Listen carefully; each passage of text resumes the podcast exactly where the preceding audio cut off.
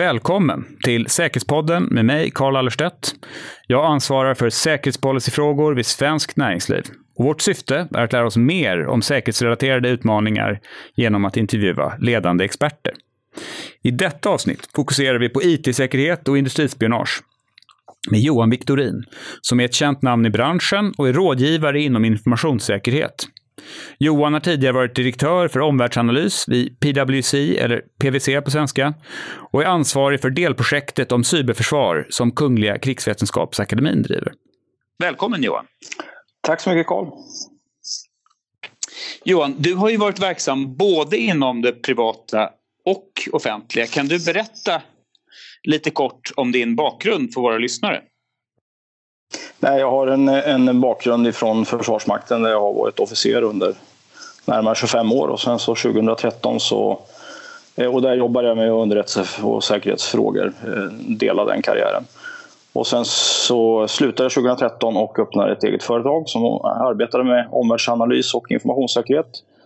Och sen blev jag rekryterad till PWC för att vara omvärldsdirektör då i PWC Cyber Security, eh, en satsning som PWC har gjort och gör fortfarande på det här området. Eh, och i dagarna så har jag eh, valt att börja med ett nytt företag eh, som jag grundat tillsammans med en kollega som ska jobba med omvärldsanalys och informationssäkerhet. Mm. Spännande. Eh, du har ju arbetat med IT-säkerhetsfrågor länge. Hur har hotbilden för företag ändrats med, med åren? Alltså den har ju ökat otvivelaktigt eh, och tyvärr också snabbare än vad vår generella förmåga är egentligen. Eh, ett stort problem tycker jag är att kriminaliteten blir allt mer sofistikerad. Så att den närmar sig, den kommer aldrig komma ifatt, men den närmar sig varje år statsaktörernas kapacitet. Och det är ju en följd av att eh, man kontrakterar ut saker och ting, man sprider kunskap och metoder och Eh, kodning blir ju allt mer återanvändbar och sånt. Det blir liksom billigare och billigare att ta fram verktyg. Man har en spridning av verktyg på internet som är enorm när det gäller att man kan sätta upp sina egna eh, penetrationsverktyg egentligen och sätta igång ganska enkelt faktiskt genom att se lite Youtube-video och chatta lite med folk i rätt forum och så, kanske läsa någon bok, så kommer man väldigt långt. Och det, och det är ett stort problem. Mm. Sen kan man också säga att, att eh, det finns ju flera saker som är kopplade till detta också. Det är ju att allt, om vi pratar IT-säkerhet så, så är ju allt mer av våra värden vi har uppkopplade på information. Alltså det är baserat på information.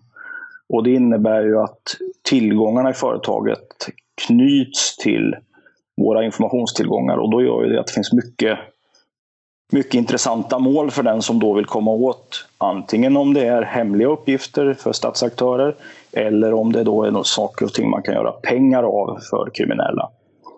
Eh, och sen finns det ju så att statsaktörer kan finansiera delar av sin verksamhet med att genomföra kriminella tjänster så att säga och eh, på det sättet eh, dra in pengar till sina egna operationer. och det och vilka, är de, alltså... vilka är staterna som är värst på den fronten? Just att använda det här som verktyg för att tjäna pengar? Ja, e- ett land som vi ser eh, ofta ute är faktiskt Nordkorea. Eh, som ju har eh, sanktionspress på sig exempelvis. Där kan det finnas intressen av att, att dra in pengar till statskassan. Mm. Sen, sen, en tredje faktor också, det är ju då att vi, det blir ju så stor exponering också på det vi gör. Då.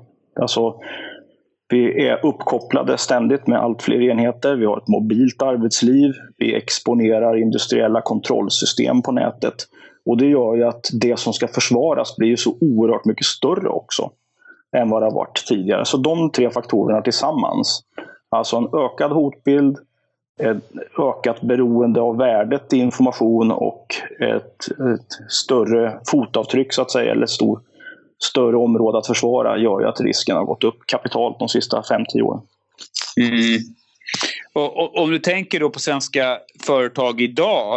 Eh, du har ju beskrivit de som underliggande eh, utvecklingen, hur det har förändrats. Men, men vad är de största IT-säkerhetshoten de svenska företagen står för idag. Hur skiljer sig de här hotbilderna beroende på om vi talar om småföretag som saknar egen IT-avdelning och de stora resursstarka företagen?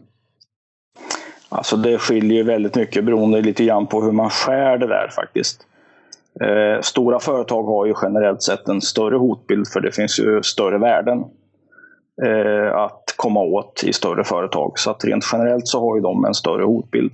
Men de har ju också resurser att på ett bättre sätt möta den hotbilden också på olika sätt. Eh, så att risken, det, den är väldigt svår att, att, säga egentligen rent generellt hur det ligger till. Utan man måste vara bättre än sin omgivning. Det är en bra början. Eh, tycker jag. Sen eh, en annan faktor som påverkar det är också vilka skyddsvärden som man har. Jag menar, jobbar du i försvarsindustrin då är du inne på försvarssekretessbitar. Eh, och då har du ett extra högt hot mot dig. Eller om du är i finanssystemet, då har du också ett högt hot mot dig. Så att det, vad är skyddsvärdet? Vad är det som ska skyddas? Eh, sen kan det vara olika från bransch till bransch. För det kan ju vara så att i ett, i ett eh, konsumentföretag, ett e-handelsföretag exempelvis, där är det ju själva interaktionen med kunden som är skyddsvärde som har kunddatan och att betalsystemen fungerar. Att tillgängligheten på de systemen eh, är up to speed så att säga. Eh, så att det varierar väldigt mycket. Det är svårt att eh, ge ett generellt svar där.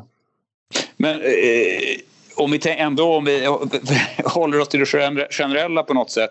Hur välrustade eller förberedda är de flesta svenska företag för dagens IT-säkerhetshot? Alltså det varierar också från, från bransch till bransch. Bank och finans är ju klart bäst. Alltså, och försvarsindustrin är också väldigt duktig. Men de har också högst hotbild som jag var inne på tidigare. Så det är det som är så orättvist. För att säkerhet är ju liksom på ett sätt ett tillstånd som du, som du lever i. Och den är heller inte retroaktiv. Så att har du gjort misstag tidigare kan det vara svårt att täppa till dem om du inte känner till de felaktigheterna du har gjort när du har designat ditt system eller delat ut fel behörigheter eller vad det nu månde vara för någonting. Så att de har ju en, en, en hög hotbild, men de är också väl förberedda. Några som jag tycker ligger efter generellt sett i förhållande till de skyddsvärden de har, det är ju svensk tillverkningsindustri. Och eh, det ser vi också på, på mätningar som eh, Radar gör eh, tillsammans med Dataföreningen varje år. Att där är mognaden står inte riktigt i paritet till skyddsvärdena eh, i, i den sektorn. Det är ju intressant, för man tänker just på det som kanske är intressant för just vissa statsunderstödda aktörer så borde väl svensk tillverkningsindustri just vara högintressant. Ja, precis. Det är ju saker som eh, framförallt är det intellektuell egendom, då, det vill säga uppfinningar, patent man har gjort och, och försöker skydda på olika sätt. Eh, så att Eh, det är ju en bit, men det kan ju också vara, vi är ju duktiga på affärsstrategier och sådana saker, eller ordnande av försäljningssystem och sånt. Det är också intellektuell kunskap som, som eh, statsaktörer vill komma åt för att förbättra sitt eget, sitt eget näringsliv. Du har jobbat med att rådge, rådge ett stort antal olika typer av företag. Utifrån din erfarenhet, förenklat sett, vilka är de vanligaste bristerna du sett hos svenska företag vad gäller just arbetet med, med eh, IT-säkerhet? Ja, det, är ju, det blir ju... Det får jag hålla på en liten stund där tror jag, för det finns en hel del. Om jag ska vara lite självkritisk till att börja med så, så är ju kopplingen mellan säkerhet och affär en sån brist. Alltså den här branschen, eh, informationssäkerhetsbranschen, har inte riktigt hittat nycklarna i kommunikationen. Alltså säkerhet är en service eh, och ska se till att kärnverksamheten fungerar och kan bedrivas mot de uppsatta affärsmålen.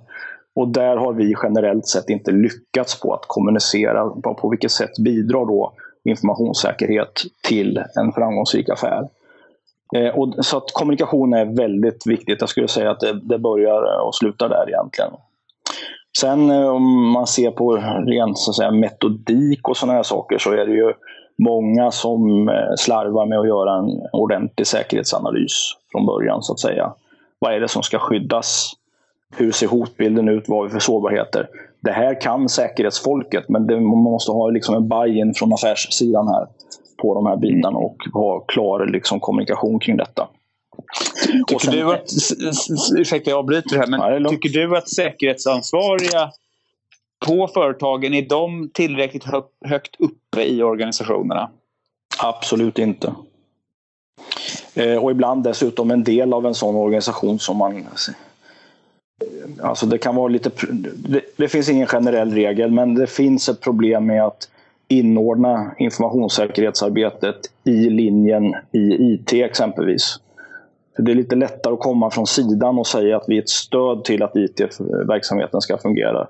Och vi hanterar exempelvis IT-säkerheten eller informationssäkerheten. Det finns lite olika namn beroende på hur stort scope man gör på det här. Eh, så att eh, där finns det en del att jobba med. Mm. Men jag, jag, för att ta upp några andra saker också. Absolut. Sen har vi en, en annan stor brist. Det är ju att, nu vet inte jag om det har att göra med att jag är över 50 år gammal, men jag upplever att vi har tappat lite ordning och reda i, i det här. Va? Så att administrativ säkerhet är ju fundamentet. Alltså vad, vem är behörig att ta del av den här informationen, logga in på de här systemen? Hur stora behörigheter har varje användare? Vilka mjukvaror har vi inkopplade i våra system? Vilka hårdvaror har vi inkopplade i våra system? Där har vi tappat, skulle jag vilja säga, eh, över tid. Och det, det, det, det, kan man ofta se att det finns exempel på, på, på kunder som har eh, administratörskonton där man inte kan knyta det till någon, eh, till någon eh, fysisk person och ändå finns det enorma attesträttigheter på sådana konton när det gäller att eh, skriva ut eh, eller så säga, fakturera ta emot mm. fakturor ska jag säga och, och attestera dem. Det var det jag var ute efter. Eh, så att där finns det en hel del att göra. Sen kan man ju bli lite mer teknisk också och då skulle jag nog säga att, att, att man försöker inte upptäcka de här intrångsförsöken i tid. Det finns ju det finns massor med, med olika liksom, rapporter som kommer ut vilket, vilken skillnad det är på när själva intrångs, intrånget gjordes i, i kundens system och när man upptäcker det. Och det, kan vara allt ifrån tre månader till eh, nio månader. Det finns olika intervall på det där. Nu är det inte det här lätt ska jag säga, men man bör ha ambitionsnivån att försöka upptäcka det här så tidigt som möjligt för då blir skadan oftast mindre. Man måste göra liksom proaktiva genomgångar av loggar. Man måste investera i, i så kallad alltså detektion vid alla klienter och sånt. Vid mobiltelefoner, laptops och sånt och i nätverken. Så det, men det är lite mer på den tekniska sidan. Där. Eh, om du ser eh, skillnader här om vi tittar på storlek på företag och i olika branscher. Hur, hur ser det ut med bristerna där? Om, om, om, om eh, du tar ett mer liksom, jämförsperspektiv eller vad man ska säga. Av de som jag pratar om där så är det ju liksom Oftast är det väl så att när det gäller själva onboarding av anställda och sådana saker eller, eller eh, konsulter och liknande så, här, så har ju oftast stora företag lite bättre koll. Man har ju liksom oftast en process för det där. Eh, däremot så kanske det är svårare att överblicka ett stort företag när det gäller vad man har uppkopplat och, och eh, vad det finns för olika enheter här och där. Det, det räcker ju med att man missar att registrera av de sakerna och att man inte har den här övervakningen ordentligt.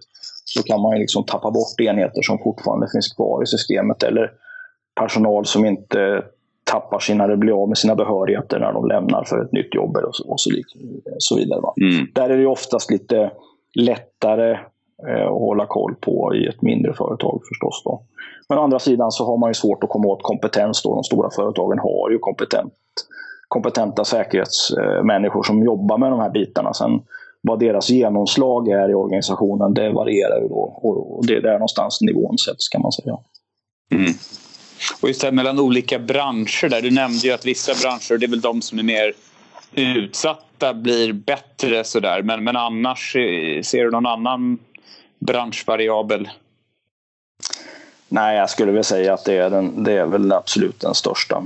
Alltså, har du höga skyddsvärden, högt intellektuell, eh, hög intellektuell egendom, alltså högt värde på det då. Försvarsintressen. Eh, många kunder också. Det är också, alltså, du hyser rikliga mängder med data, alltså hälso och sjukvård exempelvis, som har mycket patientdata och sådana saker.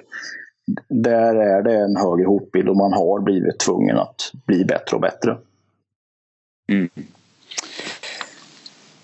Om du delade upp de här olika varierande företagstyperna i olika kategorier, till exempel småföretag, storföretag, innovationsföretag, internationellt exponerade företag eller vilka kategorier du vill. Vad skulle dina topptips vara till de olika företagstyperna du, liksom, om du själv vill, som du själv då vill dela upp eh, företagen i? Alltså jag har väldigt svårt att, att, att göra en sån eh, fördelning faktiskt. Eh, tyvärr, jag kan bara kort säga att är du internationellt exponerad och har en konkurrens, då har du en högre hotbild mot dig. Har du mycket innovation och sånt, då måste du skydda dina innovationer så att säga. Och verkligen tänka igenom vad det är du gör publikt och vad du inte gör publikt. Och, och hur du då skyddar det som, som du vill hålla för dig själv så att säga. För att ja, de flesta innovationer har ju eh, saker och ting eh, som det bygger på som är väldigt speciellt, en speciell process eller man har ett speciellt patent eller vad det nu är för någonting. Och det måste man då skydda. Så man måste tänka igenom det, göra en ordentlig säkerhetsanalys som jag var inne på innan. Och är man då utsatt för internationell konkurrens, ja då är hotbilden klart högre. Sen eh, så att det, det, är lite grann samma, lite passivt och defensivt svar faktiskt. Men det är svårt att, att bryta ner det mycket mer tycker jag. Då får man gå in och titta på det exakt enskilda företaget. Var finns konkurrenterna? Vilka länder är det som eh, konkurrerar? Vad kan man förvänta sig? Och det behöver inte bara vara sådana länder som Kina, utan det kan finnas till och med väst, eh, västliga stater som kan vara intresserade av saker och ting. Företag eller företagare som reser mycket, har du några speciella tips till dem? Ja, alltså om vi pratar först på informationssäkerhetssidan så ska man ju man ska ju inte ha med sig sina skyddsvärden så att säga med, som IP och sånt och affärsplaner. Man, man behöver ha en, en resedator helt enkelt, en resetelefon med sig. Eh, som man kvitterar ut när man gör det här där man egentligen bara har sånt som, som är nödvändigt för att genomföra själva resan och ta anteckningar och sådana saker. Just de unika avtalen man nu ska diskutera med, med, i det här landet och så vidare. Där får man, och det beror ju naturligtvis på helt och hållet på vart man reser. Eh, måste man ha med sig sin ordinarie telefon och dator, då ska man ju ha kontroll över den fysiskt eh, egentligen hela tiden. Så att man inte lämnar kvar den på hotellrum och får den liksom tappad på olika sätt.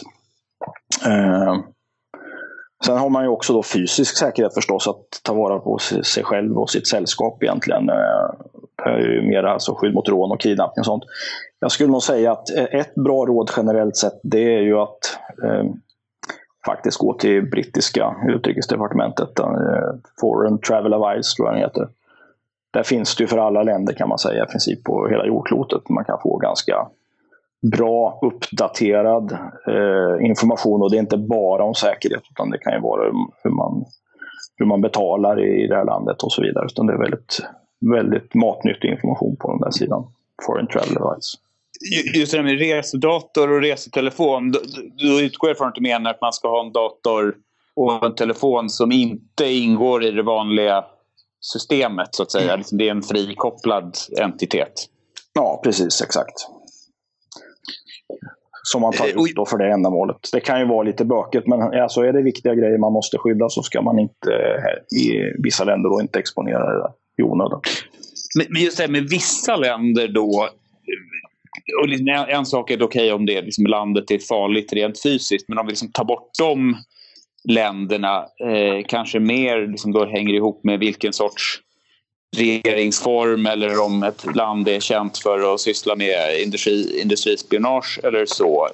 Mm. Kan du gå in på lite av liksom de speciella riskerna som kan finnas i, i, i, lite mer utsatta länder och vad man bör ta för särskilda åtgärder då? Mm. Ja, tyvärr är det ju så att eh, affärsmän och affärskvinnor är ju allt vanligare mål egentligen. Både för informationsstölder, därav att man ska ha då särskild utrustning eh, i de flesta fall. Man får ju alltid, jag får göra ett förbehåll, man måste ju alltid liksom, det här är ju en väldigt generell utsaga, men man måste ju alltid titta vad är behovet och så vidare och vilket land reser jag till. Men man bör ha med sig det i tanken, behöver jag ha med mig en särskild dator? Men man ska inte heller glömma bort att affärsmän och affärskvinnor också utsätts för regelrätta värvningsförsök av främmande makts underrättelsetjänster. Eh, för där är man ju liksom utanför eh, vårt synfält på ett helt annat sätt. Eh, försöker man värva någon här inne i landet så har vi ju sett historiskt sett att Säpo har ögonen på sånt. Men i ett annat land är det mycket, mycket svårare. Mycket, mycket svårare. Och därför är då affärsmän och affärskvinnor också ett mål för främmande makts underrättelsetjänst när det gäller värvning. Och det kan ske under en väldigt lång tidsperiod. Man pratar om de länder vi kan titta på så är ju, alltså det är ju de som Säpo nämner då som de största underrättelsehoten mot Sverige är ju Kina, Ryssland och Iran exempelvis. Så att det, det, bör man ju verkligen tänka efter. Sen har man ju också då man bör också skärpa till sig när det gäller länder där de här tre länderna har ett större inflytande. Som exempelvis länder i Centralasien där både Kina och Ryssland eh, har ju stort inflytande i de länderna och kan alltså då ha räckvidd in när det gäller att, att eh, på olika sätt komma åt kunskap eller, eller försöka närma sig någon som reser i de länderna eller skaffa sig hållhakar på och så vidare. Det kan också vara i vissa afrikanska länder eller länder som Libanon där Iran har ett stort inflytande. Så det får man tänka efter lite grann och se vad finns det för möjligheter för de här tre aktörerna att, att uh, vara intresserade av, mig om jag reser nu till det här landet i Centralasien exempelvis. Jag inser att det är en svår fråga, men hur omfattande tror du att det här med värvningsförsök är? Ja. Det är, väl inte så, det är väl inte så vanligt som vi fruktar, men det är heller inte så sällan som vi hoppas. Eh, det beror ju helt på, eh, alltså när främmande makt försöker värva någon så börjar de med att titta på vilken information vill jag komma åt. Sen tittar man i nästa steg, aha, okej, okay. vem skulle kunna komma åt den informationen? Då är inte vem i meningen vilken individ, utan vilken typ av människor. Är det en arkivarie, är det en sekreterare, är det en politiker, är det tjänstemän och så vidare. Och så vidare. Och sen utifrån det så letar man då upp olika mål. Och har man då har man då både otur och eh, ett skäl att vara i närheten av de här skyddsvärden, ja då kan man bli kartlagd och senare då närmad av främmande makt. Det vill säga att man har kanske upptäckt en möjlig brist hos någon. Man kan eh, försöka tvinga sig till information eller att man ska känna sig pressad att gå med och lämna ut. Oftast startar det med väldigt ofarliga grejer. Eh, men det kan vara eh, det kan också vara via eh, utfästelse om affärssamarbete. Så det behöver inte ha någonting som helst med att göra att man ska eh, ta tag i någon information. Man kan bli förespeglad olika affärer och sådana här saker och tycka att det här är en väldigt trevlig person eh, som man börjar liksom göra saker och ting med. Så är ju väldigt, väldigt svårt alltså. Mm. Men känns det i magen att det inte är rätt, då ska man gå till Säkerhetspolisen när man kommer hem. Mm. Eh, jag förstår att Kina har en säkerhetslag som kräver att kinesiska företag och kinesiska medborgare måste samarbeta med Folkrepublikens underrättelsetjänster. Vad kan det här innebära för praktiska problem för företag verksamma i Kina eller som gör affärer med just kinesiska motparter? Ja, till att börja med så driver det ju kostnader i skydd på olika sätt och det är ju tröghet i affärerna förstås. Eh, sen finns det ju dessutom en ny lag som ger kinesiska myndigheter rätt att genomföra penetrationsenheter på servrar som finns i Kina utan förvarning. De behöver inte tala om vad de gör, hur de gör eller vad de har kommit fram till överhuvudtaget. Eh, och sen det, det finns det ju också, det behöver inte vara företag som gör affärer med kinesiska bolag heller, utan alla bolag som har kinesiska medborgare verksamma hos sig. Så det här blir ju rätt komplext. Eh, och det var därför jag menar att det bland annat driver kostnader. För det här ställer ju krav på bakgrundskontroller av anställda. Eh, eftersom vi inte får eller och inte heller ska diskriminera någon på grund av bakgrund. Då. Så att, då blir det en riskfaktor och det får man ju då titta på. Har vi mycket skyddsvärden? Vem skulle kunna komma åt det här? Alltså har vi då i det här fallet, om vi sätter det som en hypotes, har vi en kinesisk konkurrent i det här fallet har vi kinesiska medborgare som söker anställning i vårt företag, ja då blir det en riskfaktor. Och då kanske man måste ha ett system där man har bakgrundskontroller. Men då måste man ha bakgrundskontroller av alla på samma sätt. Man kan ju inte bara säga att vi kan bara ha, bara för att du råkar heta Xi i efternamn så ska du ha en bakgrundskontroll. Så kan vi inte ha det. Vi började prata om IT-säkerhet mer, mer allmänt. Nu har vi kommit in mer specifikt kanske på industri spionage. Eh, och hur, hur, alltså hur ser verkligheten ut här? Hur mycket industrispionage är det som, som faktiskt pågår? Hur oroade bör svenska företag vara? Nej, men det ska man ta på stort allvar. Jag skulle säga att det här är ett stort problem som fortfarande växer. Egentligen. Dels var jag ju inne på sanktionerna här förut mot eh, mm. Nordkorea, men även Iran driver ju så att säga eh, driver ju också upp hotbilden från eh, sådana aktörer exempelvis. Och sen har du ju då politiska och ekonomiskt drivna aktörer som eh, Ryssland och Kina. Som har lite, kanske lite olika vinklar så, men, men eh, ändå då intresserade av företagshemligheter exempelvis. Eller hur företag är inkopplade i totalförsvaret exempelvis.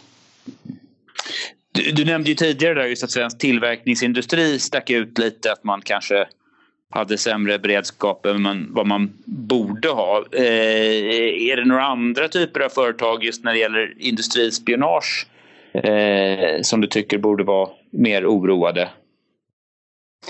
Det är mycket exempelvis eh, infrastrukturbolag då, skulle jag säga. Så, telekom, energibolag och även svensk miljöteknik då i det sammanhanget skulle jag säga. Mm. Bankerna förstås har varit inne på hälso och sjukvård eh, och myndigheter förstås också. Det får vi inte glömma bort.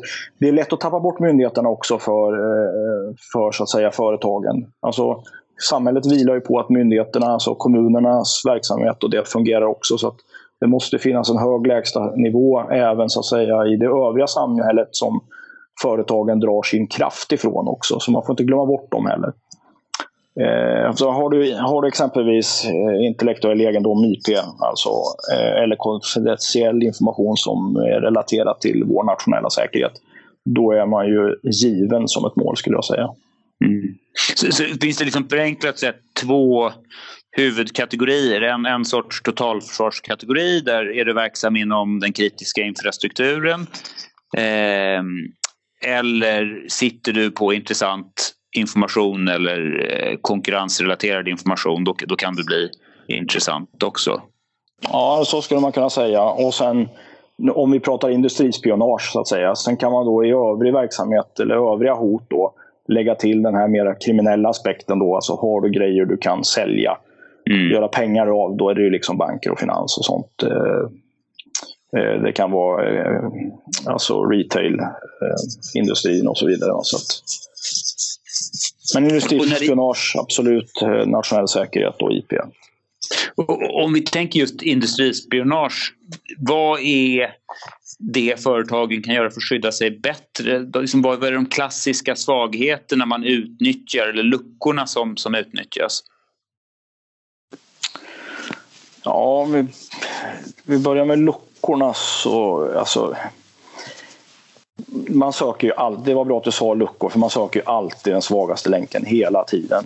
Så att säga. Så att, eh, en del finns då inom IT-sidan på de som inte är så mogna i detta, eh, förstås. Eh, och i takt med att vi blir bättre på att skydda oss rent tekniskt, då kommer insiderhotet öka, för då letar man sig nya vägar.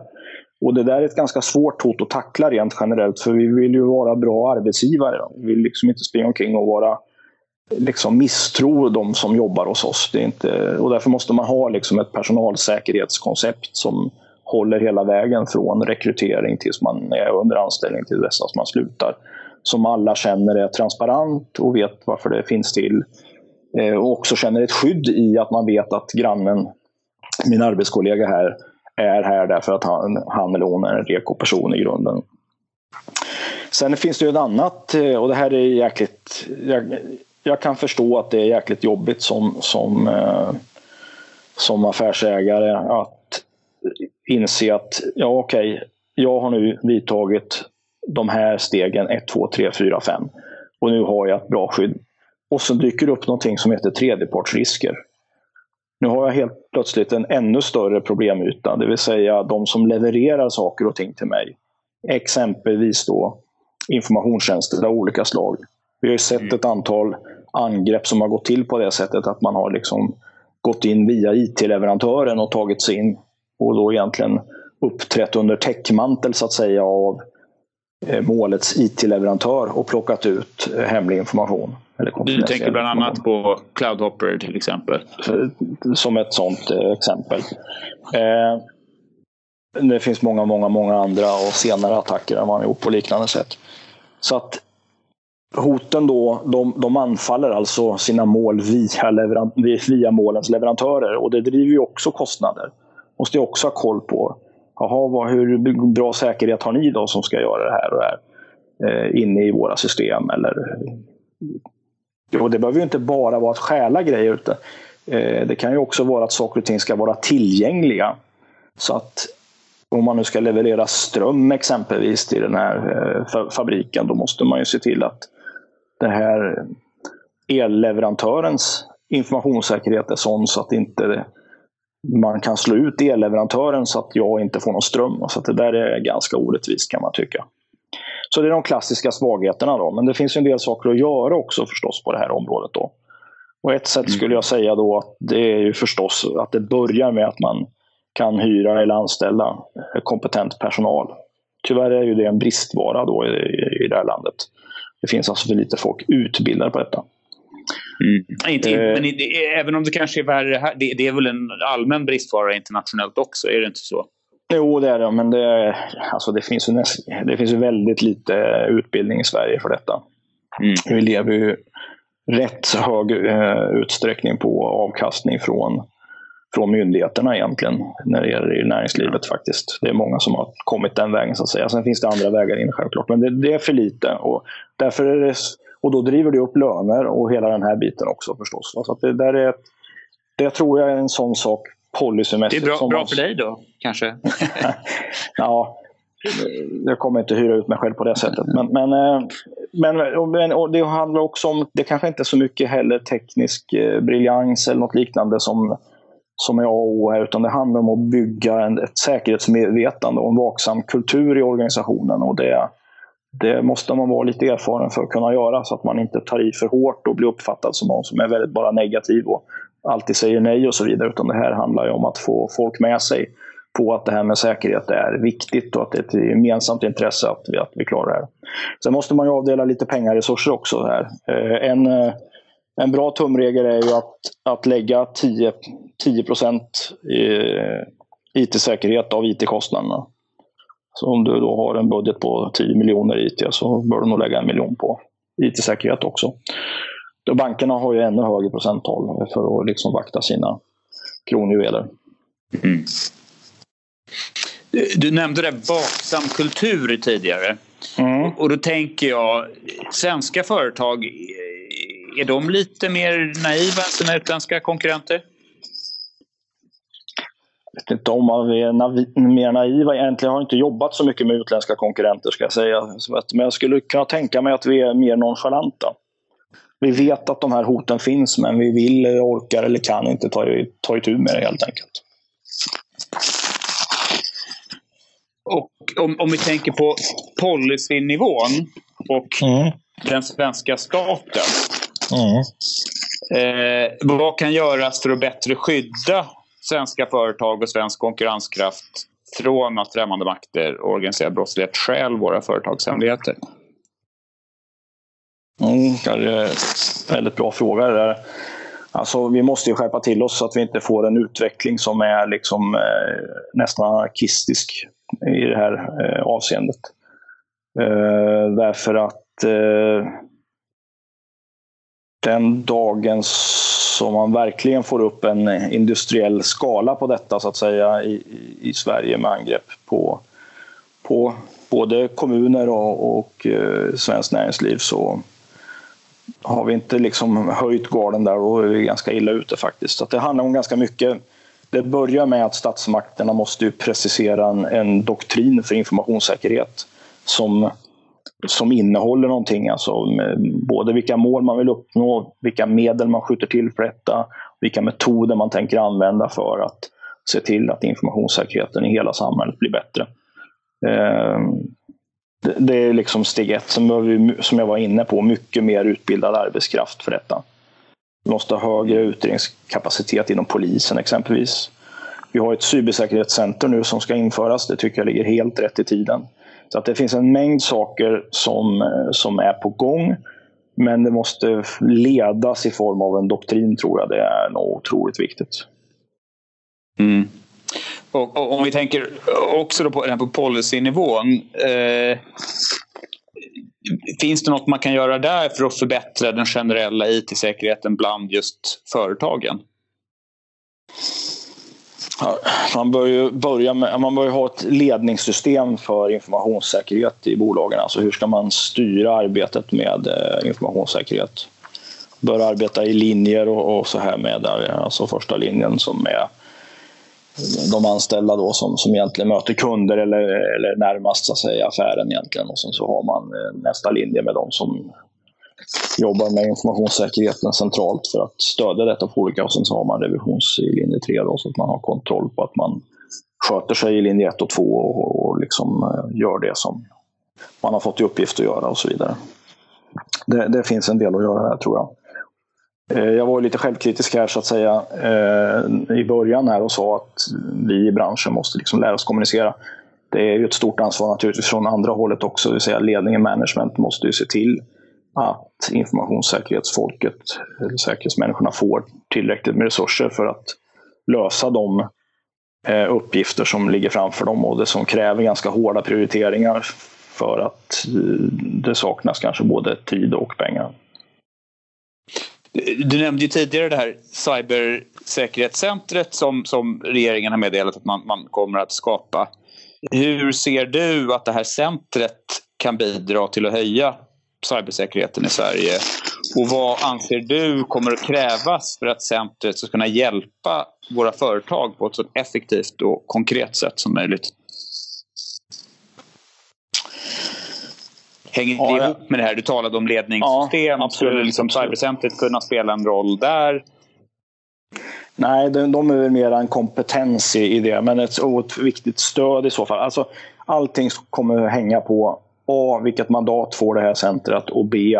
Hur väljer de här myndigheterna som ska stödja det här centret att i praktiken göra det också? Då? Och då pratar vi alltså om FRA, Säpo, Försvarsmakten och MSB. Eh, så det man, det, det, man, en uppgift som man måste ha naturligtvis, det är ju utbyte av incidentinformation. Så att det finns en möjlighet att rapportera in incidenter där du som rapportör känner att okej, okay, nu har jag lämnat ifrån mig den här ganska känsliga informationen om att vi har blivit utsatta för ett stort cyberangrepp. Men då vet du att det blir väl omhändertaget. Ingenting kommer att läcka ut och du kanske till och med kan få stöd med råd hur du ska ta dig ur den här situationen. Och sen hur man ska förebygga sånt här i framtiden. Där tror jag att ett sånt här center kan spela väldigt stor roll. Sen är det alltid en balansgång att gå med hur mycket ska då samhället leverera kontra ska, eh, om, om du och jag bestämde oss för att sätta upp ett cybersäkerhetscenter själva i privat regi, blir vi utkonkurrerade då på grund av att det här blir subventionerat så att säga. Så att det, det, det, kommer inte vara en lätt nöt att knäcka men de andra länderna, eller en del länder klarar ju av att ha ett sånt här center i alla fall. Då. Exempelvis eh, i Storbritannien. Och, och tittar vi just på, det på andra länder, dels kanske då med center men rent allmänt hur de jobbar med cybersäkerhet. Vad kan vi lära oss från utlandet?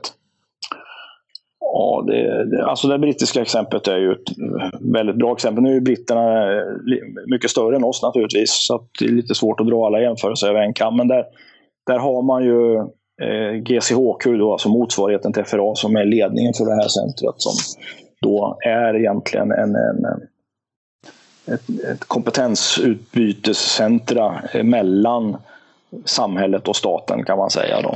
Eh, och de har verkligen tagit sin plats. Allt fler refererar till vad centret gör och säger så att säga. Och man har väldigt konkreta och handfasta, jordnära råd och sådana här saker som vem som helst egentligen kan, Eh, kan logga in och titta på eh, vad man säger om olika aspekter av informationssäkerhet och IT-säkerhet. Eh, sen har vi ju israelerna då som har ett annat take kan man säga. I den meningen att de har ju klustrat näringsliv, försvar och akademi tillsammans. Och har ju alltså byggt upp en stad i öknen från noll till många, många tusentals människor som jobbar med detta och som då driver innovationskraft inom det här området. Så att Israel är på väg att bli en, en stormakt inom, om de inte redan är det, i, i cybersäkerhet. Så att det är lite olika och det, där påminner, det, det tillvägagångssättet påminner lite grann om hur, hur Sverige var organiserat förr i tiden när man skulle göra innovationer så att säga, inom försvarssystemet. Man hade nära till mellan stat, näringsliv och, eh, och universitet. Om du skulle ge våra lyssnare några rekommendationer på böcker eller nyhetsbrev eh, eller poddar att lyssna på, vad, vad skulle det vara för tips? Ja, om vi börjar med en bok, då skulle jag nog... Då kör jag faktiskt en engelsk bok. Eh, Secure Enough? Frågetecken. Um, som är skriven av en kille som heter Bryce Austin. Uh, det är en bok för ledare och management för att förstå det här med cybersäkerheten. Den är väldigt lättläst med många bra exempel. Han är väldigt erfaren och har varit med verkligen i, i situationer där man har varit otroligt illa ute och blivit, eh, alltså, blivit utsatta för intrångsförsök som man inte hade en aning om utan som FBI kommer att berätta för eh, företaget i fråga om att det här och det här har hänt. Så att den, är, den är otroligt pedagogisk bok och väl värd att eh, läsa. Det tar ett par timmar att läsa den boken. Den är lättläst och väldigt relevant och jordnära. Secure Enough av eh, Bryce Austin. Eh, bloggmässigt, ja, Threatpost. Threatpost.com tycker jag är en bra överblick. Då är man lite mer mera åt så att säga, vad som händer i branschen. Så att det är egentligen två olika målgrupper kan man säga. Mm. Um, stort tack Johan för att du har deltagit i Säkerhetspodden. In, innan vi slutar, är det något ytterligare du skulle vilja tillägga? Ja, jag vill säga någonting faktiskt om, som ju inte har med den här lite mer hårda informationssäkerheten att göra, utan mera då desinformation, alltså den aspekten av informationssäkerhet är ett område som jag tror vi kommer få se svenska företag få ett allt större problem med eh, faktiskt i framtiden. Kan du exemplifiera lite? Nej, det är alltså att systematiskt skriva ner eh, och på olika sätt påverka eh, bilden av företaget.